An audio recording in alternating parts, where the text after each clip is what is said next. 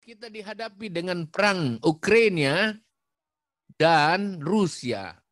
Di mana di sana gandum tertimbun 18 juta ton sekarang 180 juta ton.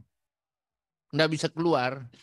Jadi hati-hati yang makan mie banyak dari gandum, besok harganya tiga kali lipat itu.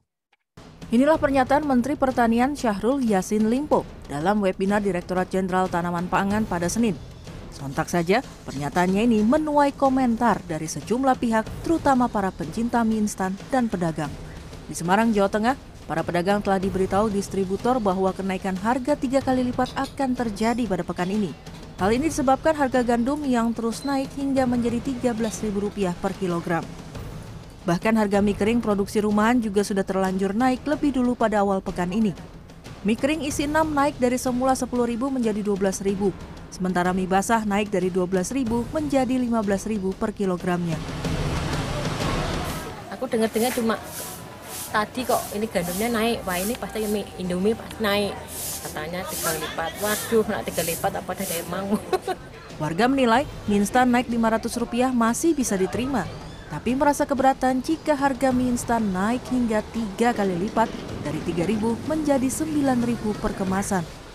Dan nggak terima juga keberatan kan. Mau sering bikin bakmi itu, mie instan, tentu saya. Di Jakarta, sejumlah pemilik warung di kawasan Sawah Besar, Jakarta Pusat, mengaku akan menaikkan harga jual yang cukup tinggi jika harga mie instan benar-benar mengalami kenaikan hingga tiga kali lipat.